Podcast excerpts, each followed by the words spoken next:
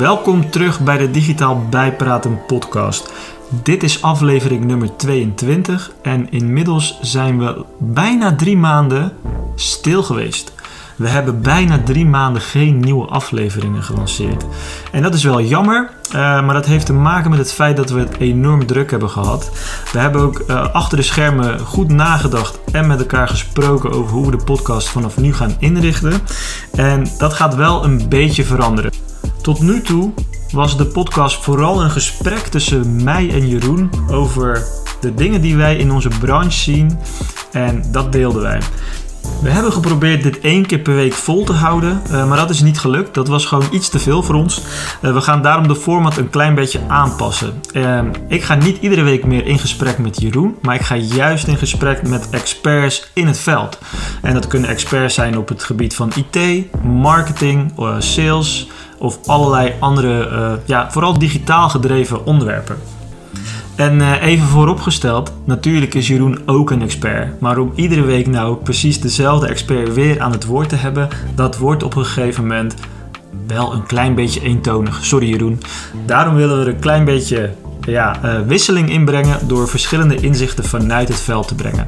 Een ander ding wat we gaan veranderen is dus dat we niet meer gaan proberen één keer per week een podcast op te nemen. Dat is simpelweg te veel voor ons.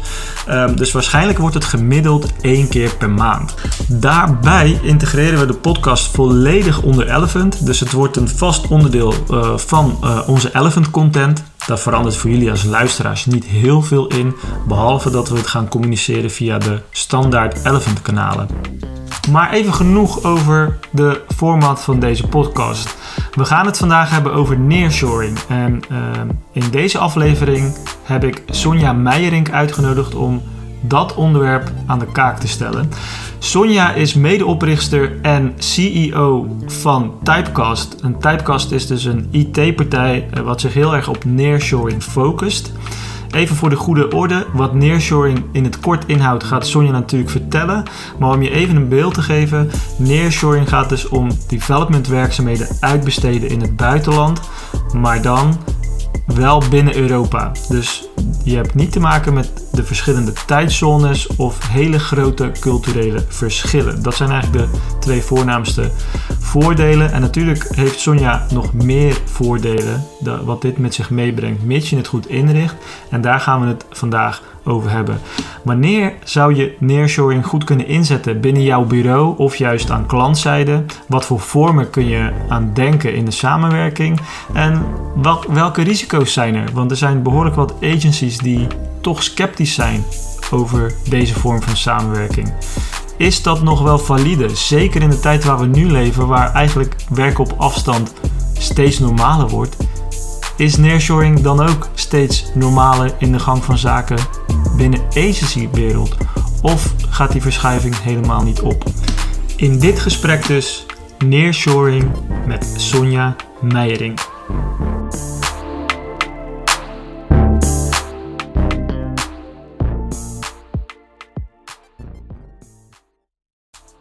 Goedemorgen Sonja, welkom in de Digitaal Bijpraten podcast. Ik denk voor jou een... Goedemorgen. Ik denk voor jou uh, een, een van de eerste podcasts waar je zelf uh, in zit. Of heb je er vaker podcasts gedaan? Nee, het is echt, echt zoals de allereerste keer. En nog erger, nog erger. Het wordt waarschijnlijk ook de eerste podcast die ik oh, zelf ga luisteren. Dus uh, ik ben he helemaal nieuw in de wereld nou, van helemaal podcast. mooi dat ik je dan toch daarin uh, heb kunnen introduceren. Sonja, zou jij voor de luisteraars even kunnen introduceren en wat meer vertellen over ja, wie, wie ben je eigenlijk en ja, wat is jouw achtergrond? Nou, top, graag. Um, uh, nou, ik ben Sonja. Ik ben meer dan 25 jaar, reken ik vanmorgen uit, werk ik in de IT. Uh, ik ben de IT ingerold in de tijd uh, dat uh, met name Microsoft en de andere grote techreuzen in opkomst waren. ik ben toen gestart als developer bij het toenmalige CMG, bestaat niet meer. maar in die tijd ging je of bij CMG of bij Capgemini of bij Atos. dat waren een beetje de bedrijven waar je dan ging werken. maar ik heb daar wel echt ontdekt dat ik in de IT echt ontzettend leuk vind. Uh, en 25 jaar later nog steeds uh, iedere dag met heel veel plezier samen met onze klanten meedenk over alle uitdagingen die IT met zich meebrengt, maar vooral ook alle kansen die het geeft. Um, nou, dus best wel heel lang zelf gewoon bij klanten werkzaam geweest als developer. En uiteindelijk de afgelopen tien jaar in Nearshore terechtgekomen. Dus dat is IT, maar dan vanuit Oost-Europa, plat gezegd. En de afgelopen drie jaar sta ik aan het roer van Typecast. Typecast is een IT-services bedrijf met development centers in Kroatië en in Servië. We groeien hard en dat is ontzettend leuk. Maar dat geeft ook aan hoeveel vraag er is naar IT, met name in Nederland. We willen, zitten ook wel in Engeland, België, Amerika. Maar het is natuurlijk super gaaf om zo te kunnen mogen groeien. Samen met, met ons okay. managementteam. En, en, en Typecast bestaat dan nu ongeveer drie jaar, zeg jij? En, en, jij bent de, de ja. oprichter. heb je dat met partners gedaan of ben je initieel alleen begonnen dan? Of? Nee, het is eh, net even anders, maar de oprichter is uh, Meinald Weerman. Hij is een zakenman, die heeft samen met zijn broers... hebben ze allerlei BV's in de meest uiteenlopende dingen die je kan bedenken. Maar in al die bedrijven liepen ze aan tegen de uitdaging dat IT gewoon niet ging zoals ze wilden. En ze hadden alles geprobeerd, van India en Oekraïne tot Nederlandse freelancers, een eigen IT-club in dienst nemen. Nou ja, echt alles wat je maar kan verzinnen. En steeds tot de conclusie gekomen dat het niet ging zoals zij wilden. Uh, of er werd niet opgeleverd, of het was te duur, of de kennis verdween weer. En hij heeft toen, uh, Meinald heeft toen samen met zijn broers bedacht om zelf een IT-bedrijf te beginnen. Uh, en omdat zij heel erg van zeilen houden, leek het hun een goed idee om dat te doen in Kroatië, want daar kan je vooral heel goed zeilen. Nou, dat is de. Het is een beetje een toevalstreffer. Aan de andere kant gewoon een fantastische gok. Want met name in Kroatië zitten ontzettend goede IT'ers. Uh, en nou ja, daar zijn we aan het groeien geslagen. Mijnald heeft mij vrij kort na de oprichting benaderd. Ik zat toen bij een ander nearshore En gevraagd of ik aan boord wilde komen. En dat wilde ik ontzettend graag. Ik zei, maar dan wil ik wel ook echt aan het roer zitten. En zo is het gegaan. Dus drie jaar geleden ben ik aan boord gekomen. Nadat ik eerst in Kroatië was geweest en uitgebreid had gesproken met typecasters die toen in dienst waren en ook met klanten. Maar ik was echt blown away bij wat ik aantrof. Ik vond het zo verschrikkelijk gaaf. Dus ik vond het een hele mooie kans om, om bij deze reis te mogen okay. aansluiten. dus het is niet helemaal dat jij het hebt opgericht, maar je bent er wel echt vanaf het begin bij. En, nee je, ja, je, zit, je zit wel als kapitein ja. op een schip, zeg maar. Ja, ja, ja. Nou, gelukkig wel samen met Mijnald. Ik ben niet ja. heel hiërarchisch. Ik vind het prettig om, om, om het samen te doen. Hè. Dus Mijnald die doet met name de financiële kant. En ik met name de sales en operatie. En we hebben twee steengoede directeuren in Kroatië. En met z'n vieren vormen we eigenlijk ja. het managementteam. ja, en ik vind het erg leuk om dat gewoon vooral samen, om samen te bedenken uh, welke kant het op moet gaan en uh, alle uitdagingen okay. samen aan te gaan. Uh, klinkt goed. En even voor, voor mijn beeldvorming, maar ook voor, voor de luisteraar. Hoe, hoe groot is Typecast inmiddels? Nou, we zijn inmiddels 150 man. en we zitten in drie steden in Kroatië. We zitten in um, Split, Zagreb en Osijek. En we zitten ook in Novi Sad in Servië. Uh, en wij werken voor klanten zoals uh, Franks, gemeente Amsterdam, Quick Parking, Ziver, We Are Eves, Phyllis, Mobiquity, van alles en nog wat. Hè. Dus ehm, ook digital agencies, daar gaan we zo meteen nog wel even over hebben. Maar ook veel eindklanten. en dan met name ook wel veel scale-ups. Die dus echt die start-up fase achter zich gelaten hebben. En die de, de supergroei te pakken hebben. En dan besluiten dat zij hun uh, IT met name uh, ja, meer flexibel willen om uh, allerlei redenen. maar dat geeft natuurlijk hele mooie kansen om mee te groeien. Zo'n bedrijf als Ziver, door Rick Goud opgericht. Nou, dat is zo'n mooie club. En wij groeien met ze mee. Dus daar zitten we ondertussen met, uh, met een, een, heel aantal mensen vanuit uh, Kroatië werken we okay, voor, uh, voor ja.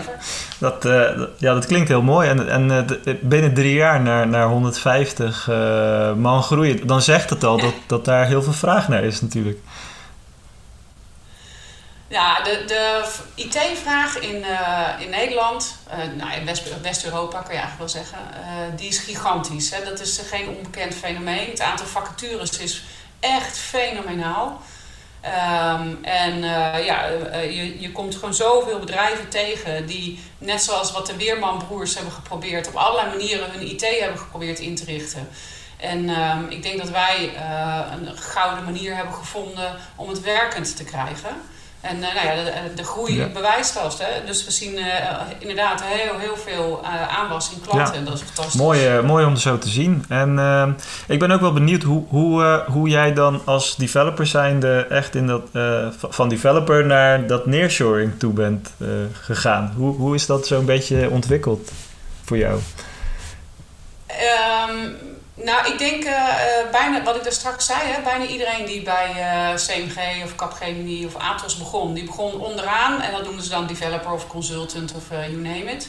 En we zaten allemaal in diezelfde red race om dan uiteindelijk directeur te worden. dus echt, ja, dat is ook, ik denk dat we daar ook vandaag nog steeds last van hebben. Dat de, de bedoeling was dat je gewoon zo snel mogelijk, toen de tijd bij CMG, account manager of account directeur ja, dat heet uh, ja, AD. Dat je zo snel mogelijk accountdirecteur ging worden. En er waren allerlei programma's voor. En uh, ging de vlag ook heel erg uit als je accountdirecteur was geworden.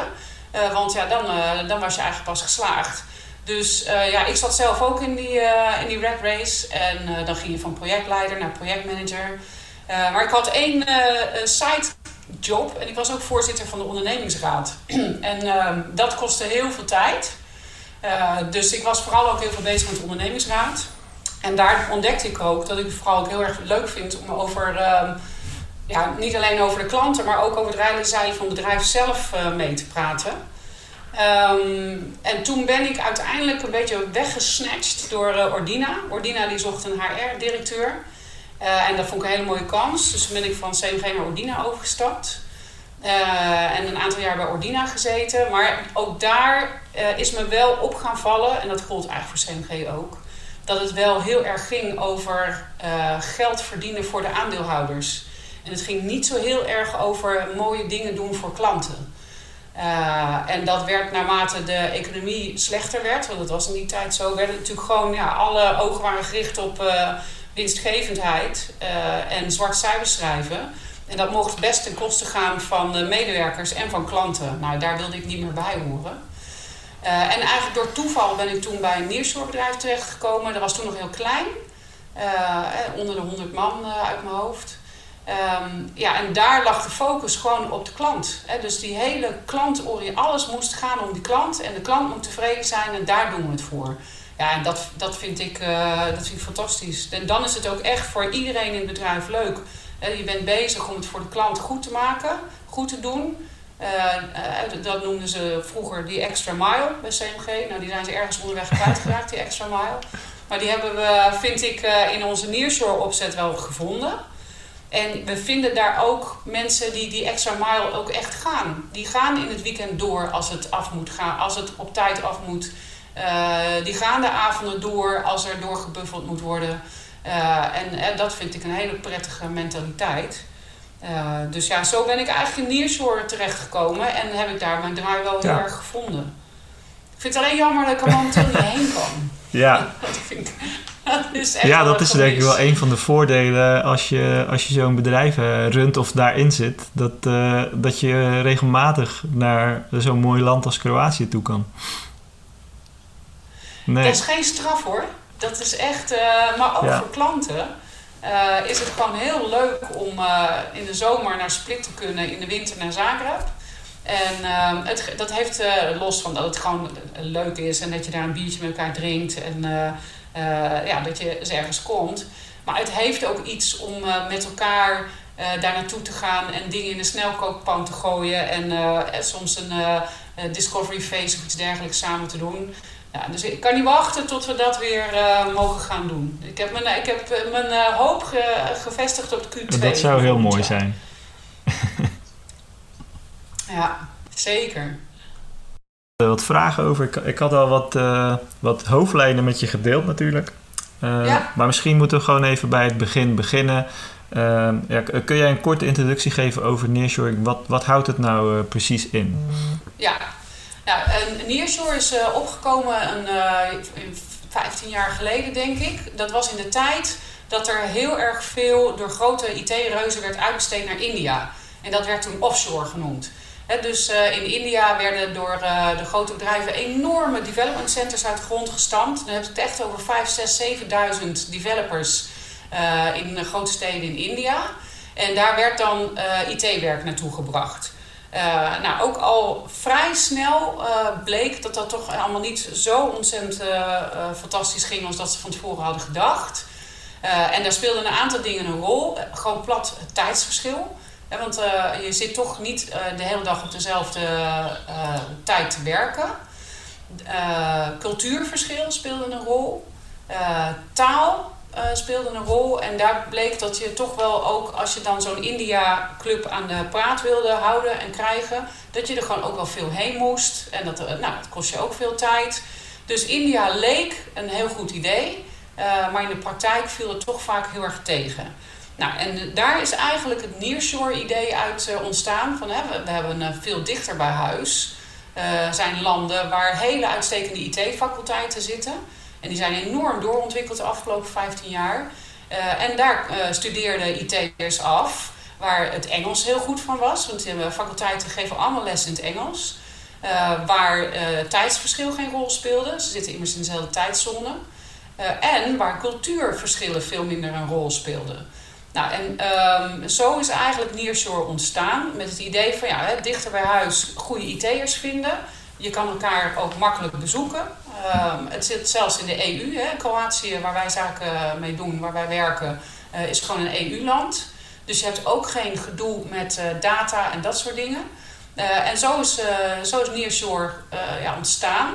Er zijn heel erg veel Nearshore bedrijven um, actief momenteel. Er zijn er niet zo gek veel die ook echt een eh, footprint in, in Nederland hebben.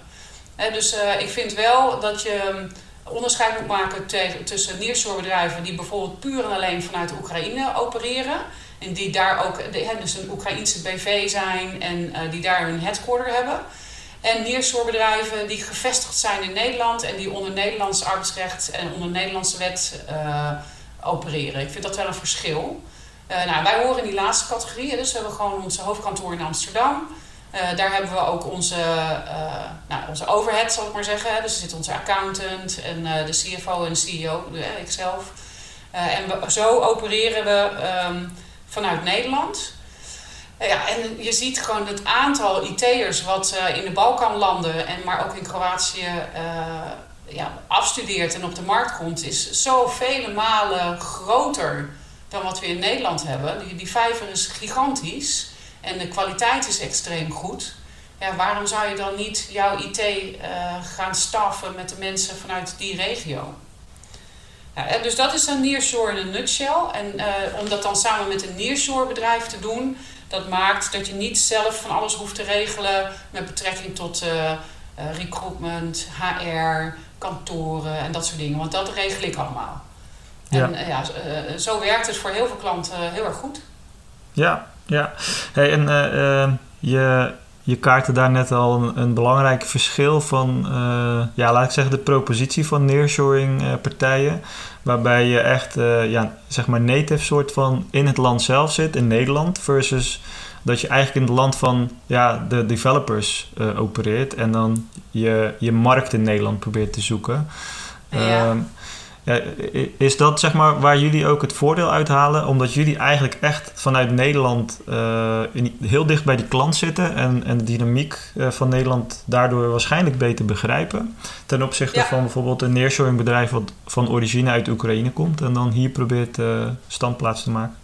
Ja, nou, is absoluut spijker op zijn kop. Uh, Mijnland en ik hebben ook gewoon een goed netwerk in Nederland. dus dat maakt ook dat je makkelijk eh, aan tafel komt. Um, uiteindelijk gaat het natuurlijk ook gewoon om vertrouwen. Je gaat, met, je gaat echt een partnership met elkaar aan. Ehm, vaak zitten we in de core van uh, mensen en bedrijven te werken. De IT is tegenwoordig gewoon core van de meeste bedrijven. Dan moet je wel echt elkaar kunnen vertrouwen. En mijn ervaring is dat dat makkelijker gaat als je elkaar in de ogen kan kijken, als je vlak bij elkaar zit. En dat je in goede, maar ook in de slechte tijden elkaar heel snel kan vinden. als er iets aan de hand is, dan spring ik in de auto en dan zit ik bij je op kantoor en gaan we het regelen. En dat is natuurlijk toch wel een heel stuk uh, makkelijker dan wanneer je zaken doet met een bedrijf in uh, bijvoorbeeld Oekraïne, waar je niet zo makkelijk bij elkaar aan tafel komt. En waar je minder zicht hebt op hoe het daar eigenlijk gaat. Nou, wij zijn heel transparant hoe het hier gaat. En ja, Mijnland en ik zijn heel zichtbaar en aanwezig. En gewoon ja, degene met wie je zaken doet. Ja, ja. ja, dus dat, dat is denk ik echt wel... Kan ik me ook heel goed voorstellen, ook vanuit mijn positie. Stel dat wij vanuit uh, Elephant als agency zijn, gaan we zo misschien nog wat verder op in. Uh, nearshoring zou uh, overwegen, dan zouden we daar denk ik heel erg scherp op letten. Dat we iemand hebben waar we gewoon echt fysiek mee aan de tafel kunnen zitten. Om ambities, maar ook issues en problemen mee te kunnen bespreken. Ja, ja. dat. En ik denk ook, je moet ook een beetje een uh, uit, het, ja, uit hetzelfde malletje gesneden zijn. Hè. We moeten ongeveer, wij kijken altijd wel in partnerships, zijn we ongeveer gelijk? Hebben we dezelfde soort set normen en waarden? Uh, zijn we qua bedrijven uh, passend bij elkaar? Het is in die zin eigenlijk gewoon bijna verkering, zou ik zeggen. je moet wel bij elkaar passen. Uh, en je moet ook wel een beetje, beetje verliefd op elkaar worden en uiteindelijk van elkaar gaan houden. Want het is echt wel een partnership. En daar investeren wij graag heel veel tijd en energie in. En dat, dat zal eh, vanuit de klanten ook zo gebeuren. Nou ja, dan zit je liever dicht bij elkaar, letterlijk. Ja, ja, ja, precies, ja. Hey, en ehm, ja, wat voor samenwerkingsvormen zijn er allemaal met nearshoring? Jullie hebben daar waarschijnlijk verschillende type oplossingen voor. Daar hebben we het eerder kort even met elkaar over gehad, weet ik nog heel goed. Ja. Kun je daar wat meer over vertellen? Ja, nou, je, kan het eigenlijk in drie stukken delen. Als je kijkt naar onze klanten. We hebben uh, een businessmodel waarbij we eigenlijk een heel IT-project uit handen nemen. En dat kan bijvoorbeeld zijn de bouw van een platform. Waarbij wij het hele team leveren van Scrum Master en UX UI designer tot DevOps engineer en developers. En alles wat je nodig hebt om een heel platform te bouwen. En dat hebben we bijvoorbeeld voor Quick Parking gedaan. Daar bouwen we een platform helemaal van scratch. En dat is ondertussen klaar en dat, uh, dat maintainen we nu. Uh, en dat hebben we ook gedaan voor Blyot. Uh, daar hebben we een smart healthcare platform voor gebouwd. Um, en dat is dus voor bedrijven die zelf eigenlijk geen IT hebben of willen hebben. En waar wij het helemaal regelen. En dat geeft je superveel flexibiliteit. Want als er meer UX UI nodig is, dan schakel ik dat bij. En als er meer DevOps engineering nodig is, dan schakel ik dat bij. En je kan het ook weer afschalen als het minder nodig is. Dus het geeft heel veel flexibiliteit. Maar je krijgt wel een dedicated team, of zelfs meerdere teams als het een heel groot platform is. Dus dat is één businessmodel. Het andere businessmodel is dat we meer uh, detacheren in de teams van de klant. Um, dat zien we bijvoorbeeld wel bij uh, MediaMonks. Uh, daar hebben mensen van ons maken onderdeel uit van de teams van MediaMonks die dan weer voor een klant werken. Voor een eindklant. Voor Rubix doen we dat ook. Uh, dus daar zijn, zijn eigenlijk blended teams samengesteld van mensen van de klant en mensen van ons. Maar ze voelen zich als één team. Hè? Dus ze voelen zich het team wat werkt voor die klant. En ja. dat kan met twee of drie mensen, maar dat kan ook met tien mensen of met twintig mensen, afhankelijk van in hoeveel teams je mensen van ons wilt toevoegen. Mhm. Eh, dus dat is eigenlijk het andere uh, businessmodel. En het derde model, dat is dat we het beheer, de maintenance, het applicatiebeheer overnemen. Um, soms komt dat tot stand, bijvoorbeeld bij Quick Parking, omdat we het platform helemaal hebben gebouwd. En dan gaat het de maintenance fase in. En dan brengen we het onder in een SLA. En dan doen wij vanuit de service desk, runnen wij het platform. Dat doen we voor een heel aantal klanten waar we het platform ook voor hebben gebouwd. Maar je kan het ook overwegen als je zelf een uh, platform hebt laten ontwikkelen er, uh, elders. Uh, en dat je het vervolgens in beheer wil nemen. Dan zouden wij dat voor je kunnen doen. En wij kunnen heel makkelijk bijvoorbeeld 24-7 diensten draaien. En tegenwoordig moet alles 24-7 in de lucht zijn. ook s'nachts zijn mensen aan het shoppen en, en noem maar. Dus jouw platform moet gewoon altijd live zijn. En dat is in Nederland niet altijd makkelijk om te regelen.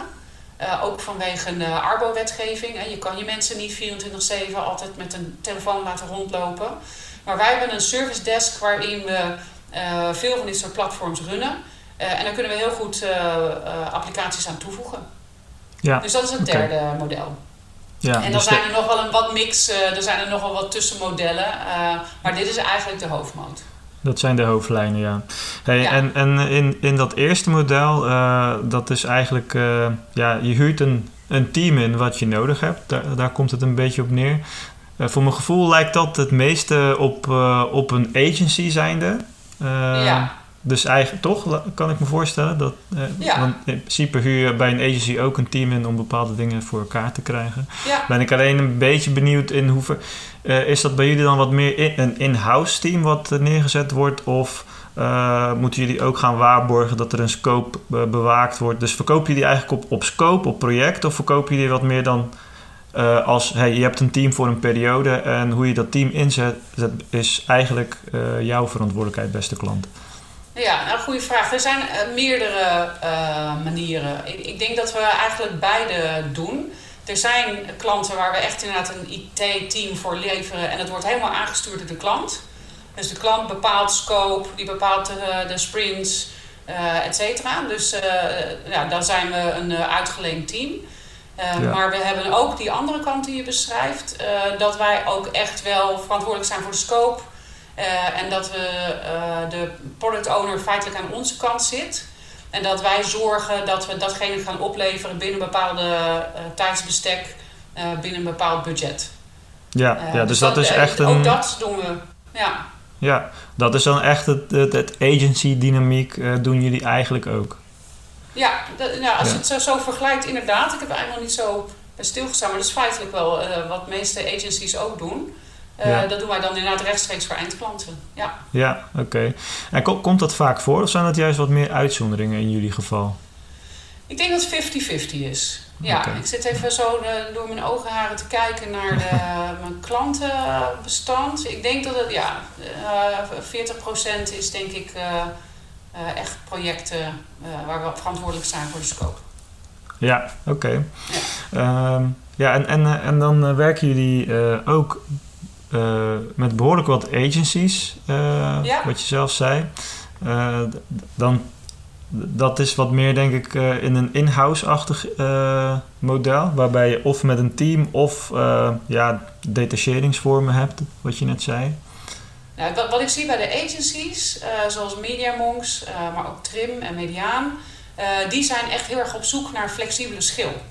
Uh, dus er komt een klant uh, en uh, die komt natuurlijk niet uit de lucht vallen, maar je bent in die pre-sales fase en je bent bezig een deal te closen als agency. En op een gegeven moment, nou, dan moet het gaan gebeuren. En net op dat moment kom je handjes tekort, developers tekort, of UX designers tekort, of DevOps engineers. En voor die bedrijven zijn wij de flexibele schil waar we heel snel kunnen opschalen en dus een project kunnen bemensen voor zolang als het nodig is. Uh, en dat is niet een weekje, uh, want dat heeft geen zin, hè, want mensen moeten zich natuurlijk ook gewoon uh, inwerken. Maar je kan voor een aantal maanden kan je dan jouw projectteam uitbreiden met mensen van ons. En dat geeft heel veel flexibiliteit, omdat je natuurlijk ook weer kan afschalen. en stel als je handen tekort komt voor een mooi project, en je wil hem niet mislopen. Je wil zo'n project als Digital Agency binnenhalen. En je komt handen tekort, uh, ja, dan ga je, je krijgt het niet voor elkaar om zo snel zelf mensen aan te nemen. Want dat weten we allemaal, dan ben je gewoon twee, drie, vier maanden verder. Uh, je zou uh, freelancers kunnen zoeken. Nou, we weten ook allemaal hoe ontzettend duur die zijn geworden.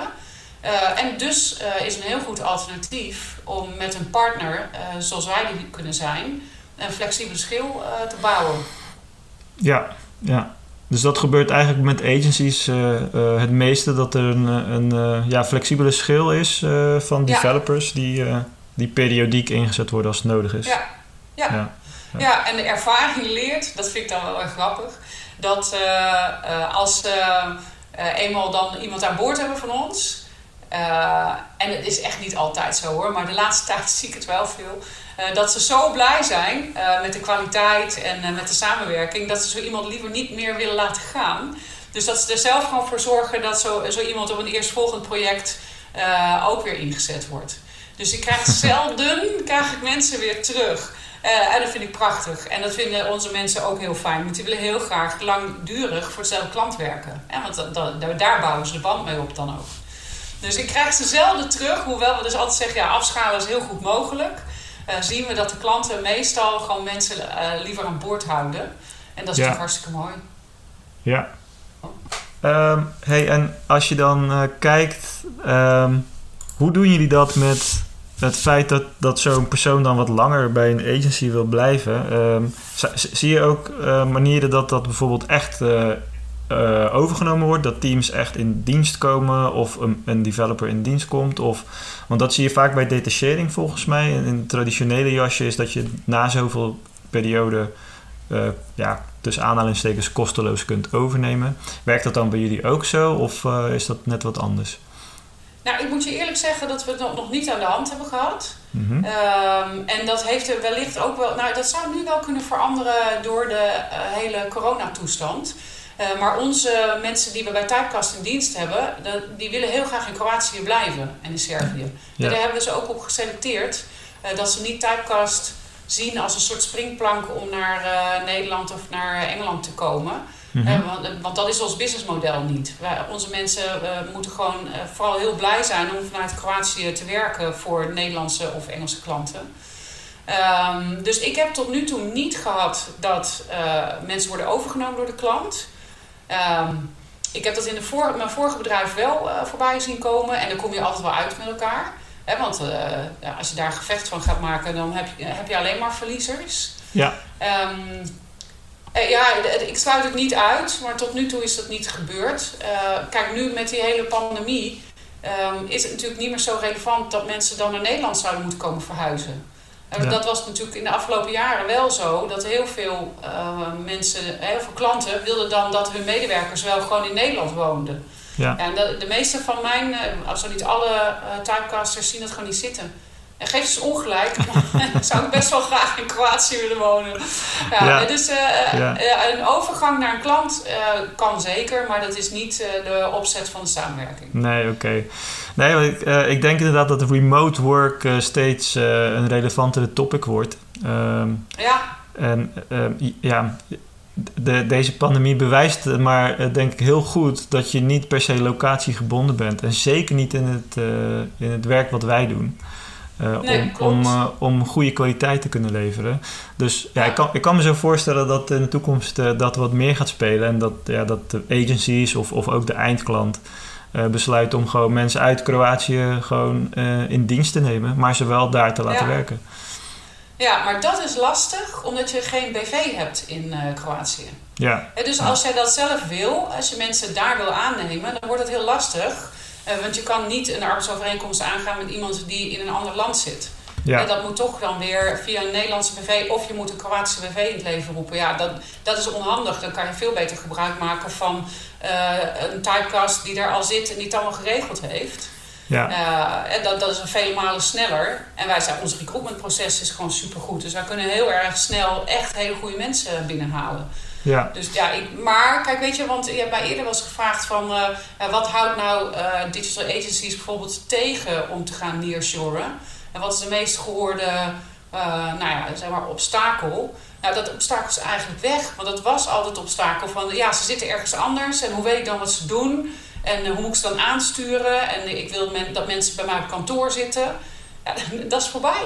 Uh, en uh, uh, ik heb, als ik aan het pitchen ben voor nieuwe prospects, krijg ik echt nooit meer de vraag: hoe moet dat dan als ze ergens anders zitten? Die vraag is gewoon weg. Ja. ja. We weten allemaal nu hoe het moet als mensen ergens anders zitten. En ja. dat gaat hartstikke goed. Ja. dus dat is voor ons, dat heeft ons enorm in kaart gespeeld. We hebben de afgelopen maanden een mega groei doorgemaakt omdat heel veel bedrijven zich beseffen van, ja, potverdikkie, die kan hartstikke goed op afstand. Ja. En uh, ja, of iemand dan in Amsterdam, uh, Groningen, Enschede of uh, Zagreb zit, dat maakt het eigenlijk ook niet meer uit. Ja. De meeste bedrijven is de voertaal, voertaal al Engels. Mm -hmm. Dus dat is ook geen obstakel meer. Nou ja, als je dan flexibiliteit en een, ook toch wel een prijsverschil kan krijgen, ja, dan is die overstap naar nearshore gauw gemaakt. Ja. Nou, Ja. dat juich ik wel toe. Dat vind ik een heel goed idee. Ja, dat snap ik, ja. Hey, eh, je zegt eh, in- jouw pitch krijg je die, eh, die vraag of, of, of die type weerstand krijg je niet meer zoveel. Nee. dan ben ik wel benieuwd, ehm, ja, hoe kom jij tot, tot een pitch dan? Is dat, zijn dat bedrijven die, die jullie benaderen in eerste instantie, waar jij dan een pitch voor uitbrengt? Of doe je ook proactief eh, in je sales eh, ja, agencies zelf benaderen? Hoe gaat dat een beetje? Beide. Ja. Ja, beide. Kijk, eh, ik merk nu wel de afgelopen maanden, en dat, dat vind ik een super mooi compliment, dat we veel prospects naar ons toe krijgen die hebben gehoord van mensen in hun omgeving dat het heel goed werkt met Typecast. Ja. Dus ja, dan krijg je mond-op-mond reclame. Ja, dat is, nou, daar, daar word ik dus zielsgelukkig van als dat gebeurt. Ehm, maar we zijn zelf ook proactief. Hè, dus we proberen eh, zeker op LinkedIn eh, en andere media eh, uit te zenden wat we kunnen. En natuurlijk maken we dan ook gebruik van onze referenties hè, van de bedrijven waar we al zitten. Ehm, maar we proberen ook heel proactief de markt te benaderen en uit te leggen dat Nearshore bij, bij echt een, ehm, een heel goed alternatief is. En ja, zo zien we het aantal prospects heel hard toenemen. Ja. Ik heb het heel Ja. druk, dat is heel goed. Dat is een goed teken, zeker, zeker Ja. weten, ja. Ja. Ja. Eh, ja, de reden waarom ik het vraag, ik kan me natuurlijk voorstellen, als je de, de vraag zelf krijgt, dan, dan is die weerstand er natuurlijk niet. Want dan hebben ze waarschijnlijk al eh, interesse in, in, het, Ja. in het model, om het maar zo te zeggen. Maar misschien als je. Dat wat- is waar. als wel, je- Maar dan nog wel eh, hebben ze wel dat ze, dat ze zeggen van ja, ik heb begrepen dat Nearshore best goed zou kunnen werken. Mhm. Maar dan nog moet je gewoon altijd wel samen heel goed verkennen, kan het ook goed werken voor je? Ja, en er zijn ook eh, situaties waarbij je tot de conclusie komt van ja, weet je, nu is niet het moment of eh, je moet het niet gaan proberen. Ik kom nog steeds ook bedrijven tegen waar echt alles nog in het Nederlands gaat. ja, ook de code gewoon, hè, waar alles gewoon vrijwel nog in het Nederlands gaat, waar alle features nog in het Nederlands worden geschreven. Ja, dan heb je wel een uitdaging als je dat naar ons wil brengen. Het kan wel, ja, eh, maar dan moet je wel heel goed beseffen dat je je eigen mensen daarin heel goed mee moet nemen. ja. Ja, ik, eh, ehm, laten we hem eens heel even kort plotten op eh, de situatie van Elephant. Ehm, heel erg Nederlandstalig georiënteerd, inderdaad. Ook de klant. Ja, Nou, we werken wel met alle, alle tools waarvan ik het gevoel heb dat dat gaat wel goed zitten, bij wijze van. Hè. We hebben Jira, we hebben Slack, we hebben eigenlijk alles wat, eh, wat eh, in IT eh, een beetje gangbaar is. Dus dat zou, dat zou wel goed komen. Maar bijvoorbeeld onze klant zit ne- meestal ook in Jira. En vandaar dus ook heel erg Nederlands georiënteerd project, zeg maar. Ja. Omdat onze klanten zijn doorgaans niet, niet dat ze geen Engels kunnen, maar ja, ze zijn, het liepen wel gewoon in, in, in, in de eigen taal. Ehm, ja. Wat zou jij dan zeggen? Is, is, is, is dat misschien nog een stapje te vroeg, bijvoorbeeld voor Elephant, door deze reden? Of eh, zou je daar nog wel op een andere manier mee eh, iets kunnen doen? Nou, weet je, ik vergelijk het altijd met eh, als je eh, naar de, nou ja, nu even niet, maar toen we naar de kroeg gingen. en je staat daar met een groep vrienden een biertje te drinken en er komt iemand bij staan die geen Nederlands spreekt. Ja, Dan weet je, binnen een minuut is iedereen om naar het Engels. En dat gaat ons Nederlanders extreem makkelijk af. Sterker nog, na vijf minuten heb je eigenlijk niet eens meer in de gaten dat je gewoon met z'n allen, eh, ook Nederlanders tegen Nederlanders, gewoon Engels staat te praten. En dat zien we, die omslag, die, die switch kunnen wij Nederlanders super makkelijk maken. ja, Eh, dus dat helpt enorm. Ehm, ja, en daar waar het lastiger gaat, als bijvoorbeeld grote features vertaald moeten worden, gebruiken wij tegenwoordig gewoon Google Translate. En dat werkt uitstekend. Eh, ik kan me herinneren, een paar jaar terug, als je iets door Google Translate haalde, was het wel lachen geblazen wat er voor het, de vertaling uitkwam. Maar het is nu echt, ik vind hele grote lappen tekst door Google Translate gaat heel goed. Eh, dus dat werkt uitstekend. En onze mensen zijn proactief genoeg om, eh, als ze denken dat iets eh, eh, langs ze heen gaat, omdat het in het Nederlands gaat of omdat Google Translate niet goed werkt, dan zijn zij proactief genoeg om te zeggen: Hey, eh, I don't get it, eh, kan je het me nog een keer uitleggen? Maar dan graag in het Nederlands, in het Engels. ja, Dus eh, nee, het is geen obstakel, maar het is wel iets om je even bewust van te zijn en om aan je eigen mensen uit te leggen van hey guys, we gaan, we gaan het nu in het Engels doen. Not a problem, toch? En dan zie je dat, da- ja, dat gaat echt zo, dat gaat toch zo makkelijk af. ja. Nee, dat, uh, dat kan ik me ook wel voorstellen. Ik, ik merk uh, bij onze projecten dat het, uh, dat het vaak ook al een mix is, stiekem van Engelse ja. features, benamingen. En dan wordt, ja. worden de omschrijvingen bijvoorbeeld nog in het Nederlands gedaan. En, oh, maar goed, heel veel documentatie wat je vaak op, opzoekt op het internet is, is ook al Engelstalig. Dus, Engels, ja. Ja. ja. Nou ja, kijk, en heel veel van onze klanten zitten in de omgeving Amsterdam, Rotterdam. En daar is alles, eh, in al die bedrijven hebben al zo ontzettend veel nationaliteiten in dienst. Die zijn allemaal over naar het Engels. Dus ik denk dat 90% van de bedrijven waar we voor werken, daar is de voertaal feitelijk al Engels. Ja, ja, ja, oké. Hey, en um, hebben jullie ook bepaalde manieren om, uh, uh, ja, om, om zo samenwerking ja, af te tasten, zeg maar? Zijn er bepaalde testtrajectjes voor dat je zegt van nou, we kunnen het op deze manier, op een laagdrempelige manier, kunnen we kijken uh, of, er, of er een match is en of dit voor jullie werkt, als zijnde nog steeds voor de agencies, zeg maar? Ja, nou, wij zeggen sowieso altijd, hè, eh, doe het in een pilot. Dus uh, als jij ergens een, een project aan ziet komen waar je uh, één of twee of drie mensen bij kan zetten vanuit een uh, vanuit een typecast uh, opzet, dan is dat een uitstekende pilot. en na drie, vier maanden weet je, weet je echt heel goed of dat gaat werken, ja of nee.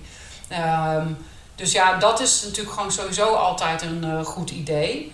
Um, en dat doen we heel vaak. Wat ik zei, dan zie je meestal dat ze zo happy zijn dat ze mensen houden. Kijk, weet je, in een enkel geval wil het wel eens gebeuren dat er geen klik is. dat, uh, dat op de een of andere manier je gewoon niet door één deur kan. Ja, dan zijn wij snel genoeg om uh, te wisselen en om te zien wat, wat er dan wel nodig is. we zijn een grote club, dus ik kan vrij makkelijk kan ik, iemand vervangen als dat nodig is. En, en, zo kan je natuurlijk ook gewoon heel goed uitproberen hoe de samenwerking moet gaan lopen. Ja, ja. En heel, heel soms, als, uh, als ik echt bijvoorbeeld zeker weet dat iemand echt heel goed zou passen op een bepaald project. Uh, want eh, die, die salesfase die loop ik natuurlijk altijd helemaal zelf. als ik weet wat voor project het is en ik zie iemand bij ons waarvan ik denk, ja, die kan er gewoon perfect op. En de klant is toch een beetje, nou, die twijfelt een beetje. Dan, dan zegt jongens, doe het no cure, no pay probeer het gewoon uit. Als jij dan na een maand denkt van ja, dit, dit wordt helemaal niks. Nou, uh, weet je, even goede vrienden, dan stoppen we. Maar ik ben, dus, ik ben er meestal zo zeker van dat het echt wel gaat lukken. Dat dit in 99% van de gevallen ook gewoon een succes wordt. Dus soms ben ik heel brutaal en zeg weet je, probeer het gewoon, no cure, no pay. Ja, ja. Dat doe ik niet altijd hoor. nee, dat, uh, dat, dat snap ik ook hoor. Hey, en uh, uh, je hebt het over projectbasis. Um, kijk, een, een, klein bureau als Elephant, wij zijn echt maar met z'n 16 even uit mijn hoofd of zo.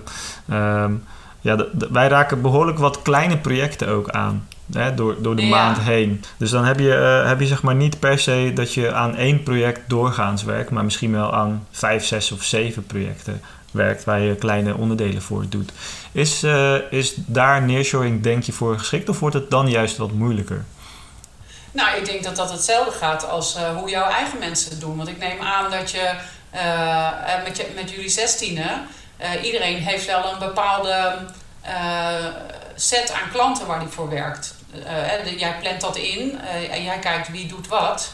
Ja, en dan maakt het niet uit of je daar uh, twee of drie mensen van mij ook meeneemt in de planning. En die ook op verschillende klanten werken. Want uiteindelijk werkt het gewoon voor jou. Ja. En jij bepaalt, net zoals met je eigen mensen, uh, voor wie er gewerkt wordt.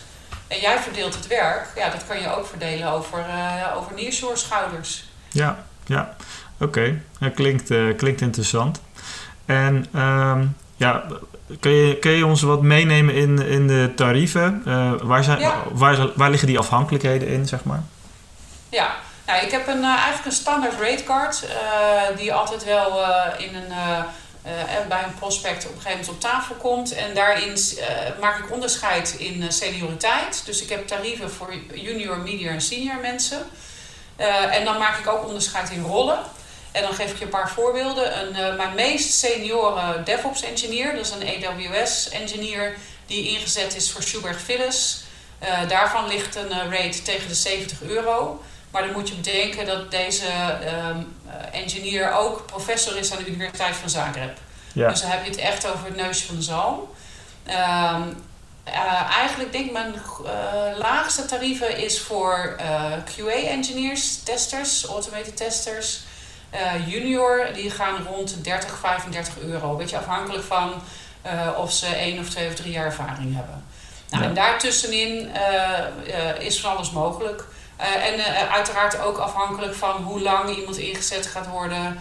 Uh, hoeveel mensen je nodig hebt. Kijk, voor een, uh, een team heb ik natuurlijk een andere uh, tariefstelling dan voor twee mensen die gedetacheerd zijn. Ja, ja, ja, precies. Maar goed, even de, maar de range. Ik zeg altijd even door de, ja, door de, door de oogharen. Is tussen de 35 en 55 euro. Daar zit gemiddeld het tarief. Ja, ja, ja oké. Nee, ja, helder. En, en dat is inderdaad een, een stuk lager dan bijvoorbeeld een freelancer. Ehm, ja. in, in Nederland. Ja, wat wij, um, wat wij op onze website hebben, voor wie dat leuk vindt om eens te kijken, op de website van typecast.com, daar kan je, de, een, vind je een calculator. En dan kan je zelf uitrekenen wat het verschil in, uh, onder de streep is tussen mensen zelf in dienst nemen en iemand via onze constructie aanhaken. Ja. En dat is, dat is best nog schrikken voor veel mensen. ja, want je denkt, je gaat uit van het bruto salaris. Maar ja, als je ondernemer bent, jij weet dat ook. De, de, je, uiteindelijk je salariskosten liggen zoveel hoger. En dan kan een uh, nearshore-construct al heel snel een heel, heel, heel groot prijsverschil opleveren. Ja, ja ik had hem voor de grap inderdaad vanochtend eventjes eventjes ingevuld. En uh, toen, toen, zag ik inderdaad dat wij ook zo tussen de 35 en de 40 euro komen met gemak uit op uurbasis. Ja. ja. De, en volgens mij klopt dat ook helemaal hoor. Dus het is inderdaad wel leuk om eventjes te doen als je denkt van nou, waar, hoe zit dat dan financieel? Ja.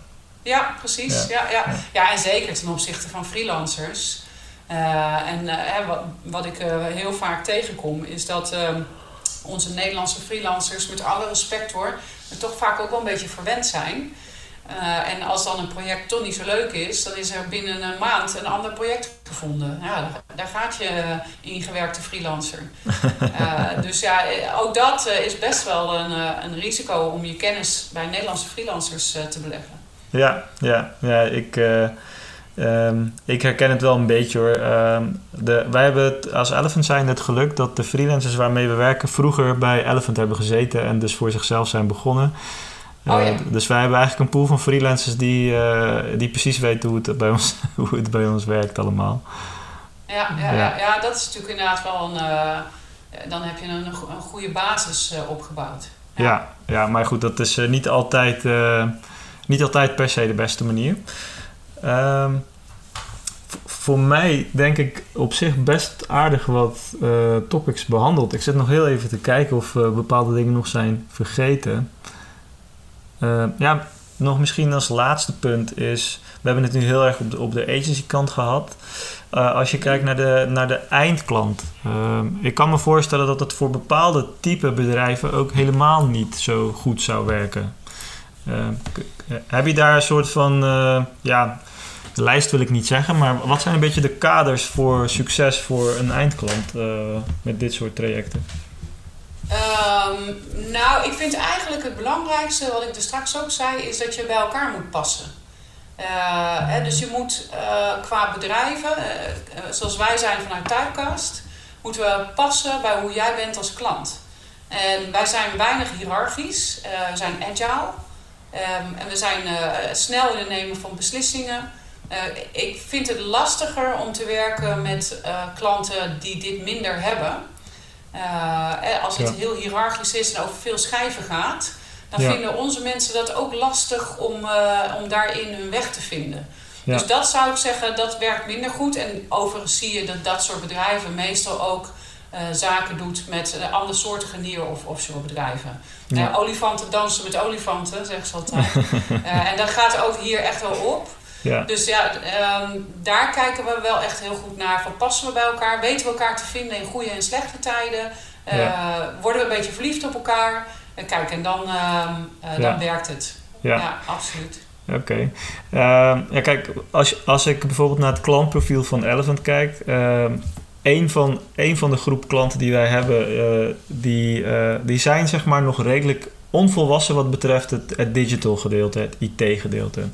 En ze Ja. komen vaak bij ons om, om juist die volwassenheidsslag te maken. Maar ik kan me voorstellen dat dat bijvoorbeeld heel moeilijk voor jullie is, omdat er intern bij die klant dus heel weinig kennis en visie en eh, ja, expertise überhaupt zit eh, om bepaalde stappen of beslissingen te nemen.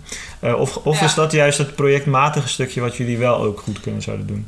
Nee, we hebben ook een aantal mensen in Nederland. Eh, dus de Typecast Nederland heeft ook een aantal mensen in dienst die die brug kunnen slaan. Dus we hebben een enterprise architect die heel goed kan helpen om jouw architectuur vorm te geven. Eh, en dus we hebben, we hebben een product owner die kan helpen als eh, de product owner bij de klant in Nederland ontbreekt. Dus we hebben een aantal mensen die vanuit Nederland goed die brug kunnen slaan. Ja, Eh, en we hebben ook wel partners waar we mee samenwerken. Als we zien dat inderdaad aan de klantkant gewoon een struggle is op het gebied van digitaliseren, dan eh, zijn wij goed in staat om met onze Nederlandse partners eh, op zoek te gaan naar iemand die dat vanuit Nederland kan vormgeven. Want daar ben ik met je eens hoor. Als je een weinig tech-savvy bedrijf een, project laat uitbesteden naar, naar Kroatië of willekeurig welk ander land, ja, dan, dan is misschien het gat te groot. Dan is, de, dan is de brug er niet. Dus daar moet je inderdaad wel heel erg eh, goed naar kijken. ja, ja. ja eh, zelfs als je het niet naar Kroatië gaat, maar eh, in Nederland blijft, en, en moet je ook naar die brug kijken. Want we, we hebben het ook Ja, re- ja, ja. regelmatig meegemaakt. Ja, als, als je constant de verkeerde briefing of de verkeerde vraag of niet de juiste context krijgt, dan vertraagt de boel natuurlijk enorm in allerlei opzichten. En ga je heel snel tegen frustraties aanlopen. Maar dat, ik, kan, ik denk dat het bij nearshoring alleen maar sneller eh, aan het licht komt in ieder geval, dat soort issues. Eh, ja, dat vind ik moeilijk te vergelijken, omdat ik dat natuurlijk al zo lang uh, nearshore doe, dat ik eigenlijk niet precies weet hoe dat zou gaan als je dat vanuit Nederland zou doen. Ja, ja. Maar zeker, inderdaad, als scope creep heel erg naar voren komt, nou dat hebben we dan al binnen een maand in de gaten, dan, moet je, dan gaan er al rode vlaggen omhoog, zeg maar. Ja. Ja, ja, precies. Oké. Ehm, ik ben denk ik zelf door mijn lijstje heen. Ik weet niet of jij nog vanuit, eh, vanuit jouw kant dingen hebt eh, over dit onderwerp dat we nog echt even moeten aankaarten. Nee, ik denk dat we alles wel een beetje aangeraakt hebben. En eh, ja, ik hoop dat luisteraars die triggeren en denken... Hey, dit zou wel eens heel interessant kunnen zijn, dat die mij weten te vinden. Ja, Ehm, en ja, wij kijken gewoon heel erg uit naar verdere groei in eh 2021. Wordt Ja. gewoon weer een heel interessant jaar. ja, ja dat, eh, dat kun je wel zeggen. Hey, en eh, waar, kun- waar kunnen mensen jou vinden? Ja, het handigste is, eh, je kan mij sowieso altijd gewoon mailen op sonja.typecast.com. En typecast zal ik voor de zekerheid een keer spellen. E T-Y-P-E-Q-A-S-T. Dus sonja.typecast.com. En je kan mij, Sonja Meijering, vinden op LinkedIn. Eh, en daar staat ook zelfs een, eh, volgens mij een link waar je rechtstreeks in mijn agenda een call kan boeken eh, als je dat zou willen. Ah, Dus kom erop. Ja hoor, ja, vind ik Nou. altijd leuk. Helemaal goed. Ehm, ja, ik, ik, ik hoop dat er wat agencies die luisteren toch geïnteresseerd raken en wellicht contact met je op, opnemen. Eh, Ja, dat zou hartstikke gaaf zijn. ja, ik weet in ieder geval dat vanuit eh, ons ook de collega's luisteren. Dus eh, wellicht ook wat meer awareness bij ons in het team over dit onderwerp. Ja, en weet je, is het nu niet, dan is het wellicht in de toekomst wel. Het is gewoon goed om in je achterhoofd te houden dat er echt nog andere alternatieven zijn dan de bekende nou routes die we besproken hebben. ja, ja, helemaal goed. Sonja, ik wil je bedanken voor je tijd en het leuke gesprek. En ehm, ja, we, we houden gewoon goed contact, denk ik. Top, nou hartstikke bedankt voor het podium. En eh, ik ben heel benieuwd hoe mijn eerste podcast wegluistert. Helemaal goed. Tot snel. Super, dank je.